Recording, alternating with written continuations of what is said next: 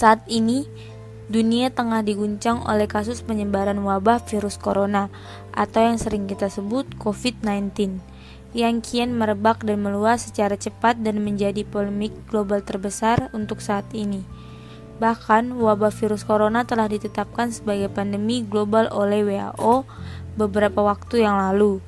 Hal inilah yang kini menjadi pembicaraan dan pembincangan publik yang telah terjadi di seluruh dunia. Setelah pernyataan yang ditetapkan oleh WHO tersebut, tentunya ini menjadi problematika yang harus menjadi perhatian serius oleh pemerintah dan masyarakat di seluruh dunia. Virus corona atau COVID-19 yang tengah menjadi permasalahan kesehatan global untuk saat ini menimbulkan dampak yang sangat besar terhadap semua sektor kehidupan mulai dari sektor ekonomi, pendidikan, sosial, pariwisata, dan sebagainya. Hal ini karena COVID menimbulkan rasa ketakutan akan bahaya dan risikonya yang berdasarkan berita dan fakta yang tersebar saat ini, yaitu dapat berujung pada kematian. Akibatnya timbul rasa kekhawatiran masyarakat untuk menjalankan segala aktivitasnya yang memiliki kemungkinan akan tertular oleh COVID-19 ini. Adapun sektor pariwisata merupakan salah satu yang terdampak sangat besar dari kasus wabah virus corona ini. Pariwisata yang pada awalnya kian mengalami pertumbuhan yang begitu pesat saat ini seakan melemah dan mengalami penurunan yang sangat drastis. Penurunan yang terjadi dalam sektor pariwisata untuk saat ini tidak akan bisa ditanggulangi sampai kasus Covid ini selesai. Adapun percobaan yang diberlakukan oleh pemerintah Indonesia dalam mempertahankan sektor pariwisata dari dampak negatif COVID tersebut dengan pemberian insentif terhadap industri pariwisata dan pemberian diskon kepada wisatawan nyatanya tidak akan berdampak apa-apa untuk saat ini. Kebijakan yang diberlakukan oleh pemerintah tersebut disusul dengan pernyataan yang disampaikan oleh salah satu pakar pariwisata dari Universitas Andalas, Sari Lenggogeni melalui wawancara republika.co.id yang disusun oleh Yolanda pada hari Selasa 25 Februari 2020. Beliau mengatakan bahwa pemberian insentif yang diberlakukan itu tidak akan memberikan dampak signifikan bagi kunjungan destinasi pariwisata. Pada situasi dan kondisi saat ini, daya tarik wisatawan baik asing maupun lokal sangat menurun akibat kekhawatiran virus corona tersebut. Hal itu sudah terlihat dari banyaknya para wisatawan membatalkan agenda wisatanya ke berbagai destinasi di Indonesia. Jadi tidak akan banyak membantu sampai virus ini mereda. Berdasarkan pernyataan Sari Lenggogeni kepada republika.co.id tersebut, kita dapat mengetahui bahwa rasa kekhawatiran dan ketakutan wisatawan akan penularan virus corona membentuk persepsi dan sikap wisatawan dalam memutuskan niat atau rencana perjalanannya. Menyatakan bahwa keputusan tentang niat atau rencana perjalanan ini awalnya terbentuk karena adanya persepsi resiko perjalanan yang dipertimbangkan oleh wisatawan. Resiko kesehatan merupakan salah satu aspek persepsi resiko perjalanan yang menjadi prioritas pertimbangan wisatawan dalam kondisi yang terjadi saat ini. Bahkan, resiko kesehatan kini dianggap sebagai perihal yang tidak dapat ditoleransi dan menjadi dasar keputusan yang mutlak untuk penundaan dan pembatalan niat perjalanannya. Resiko kesehatan yang dianggap sangat rentan terjadi saat ini, khususnya penularan virus corona yang menyebabkan wisatawan menunda, bahkan membatalkan rencana perjalanannya, dan lebih memilih untuk mengurangi aktivitas di luar ruangan dan berdiam diri di rumah, kini terlihat sangat jelas bahwa COVID-19 secara nyata telah mampu melumpuhkan sektor pariwisata yang tengah berkembang saat ini dan juga tidak menutup kemungkinan akan mengancam stabilitas ekonomi dan sosial negara secara global jika kasus ini tak berujung terselesaikan. Jika penyebaran virus corona tidak ditanggulangi secara serius, maka ditakutkan dapat menimbulkan dampak yang lebih buruk ke depannya. Maka dari itu diperlukan peran nyata dari pemerintah dan segenap jajarannya untuk secara cepat, tepat, dan maksimal mencari dan menemukan solusi dalam upaya pencegahan dan penanganan kasus penyebaran virus corona ini. Namun, tidak cukup hanya dengan peran pemerintah dengan segenap jajarannya saja. Kesadaran daripada masyarakat untuk menjaga kesehatan dan keselamatan pribadi serta keluarganya juga harus ditingkatkan guna mencegah penularan virus corona tersebut. Dengan kata lain, dibutuhkan sinergi antara pemerintah dan masyarakat untuk secara bersama-sama menyelesaikan permasalahan COVID-19 yang tengah terjadi. Dampak COVID-19 juga membuat dunia perhotelan, restoran, dan sektor pariwisata lainnya menurun drastis.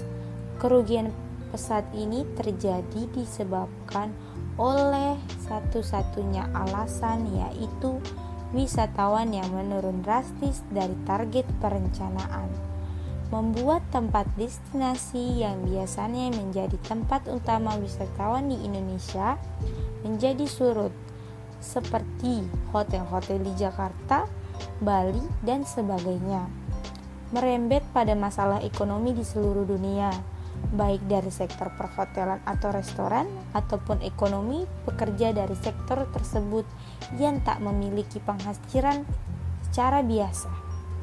Bahkan harus adanya hotel atau restoran yang memotong gaji 50% untuk pekerjanya karena surutnya pendapatan yang mereka alami. Akan sangat berdampak bagi Indonesia yang di mana kita tahu pariwisata menjadi hal yang diperhatikan Indonesia pada saat ini kejayaan yang baru-baru memberikan pemasukan negara yang cukup besar untuk kas negara kita. Di sisi lain, beban pengusaha hotel dan restoran juga perlu diefisienkan adalah pembayaran bunga pinjaman. Namun hal ini masih perlu kebijakan dari Otoritas Jasa Keuangan atau OJK dan dampak paling nyata secara langsung dirasakan sektor pariwisata ialah kerugian sampai saat ini sudah mencapai 1,5 miliar US dollar.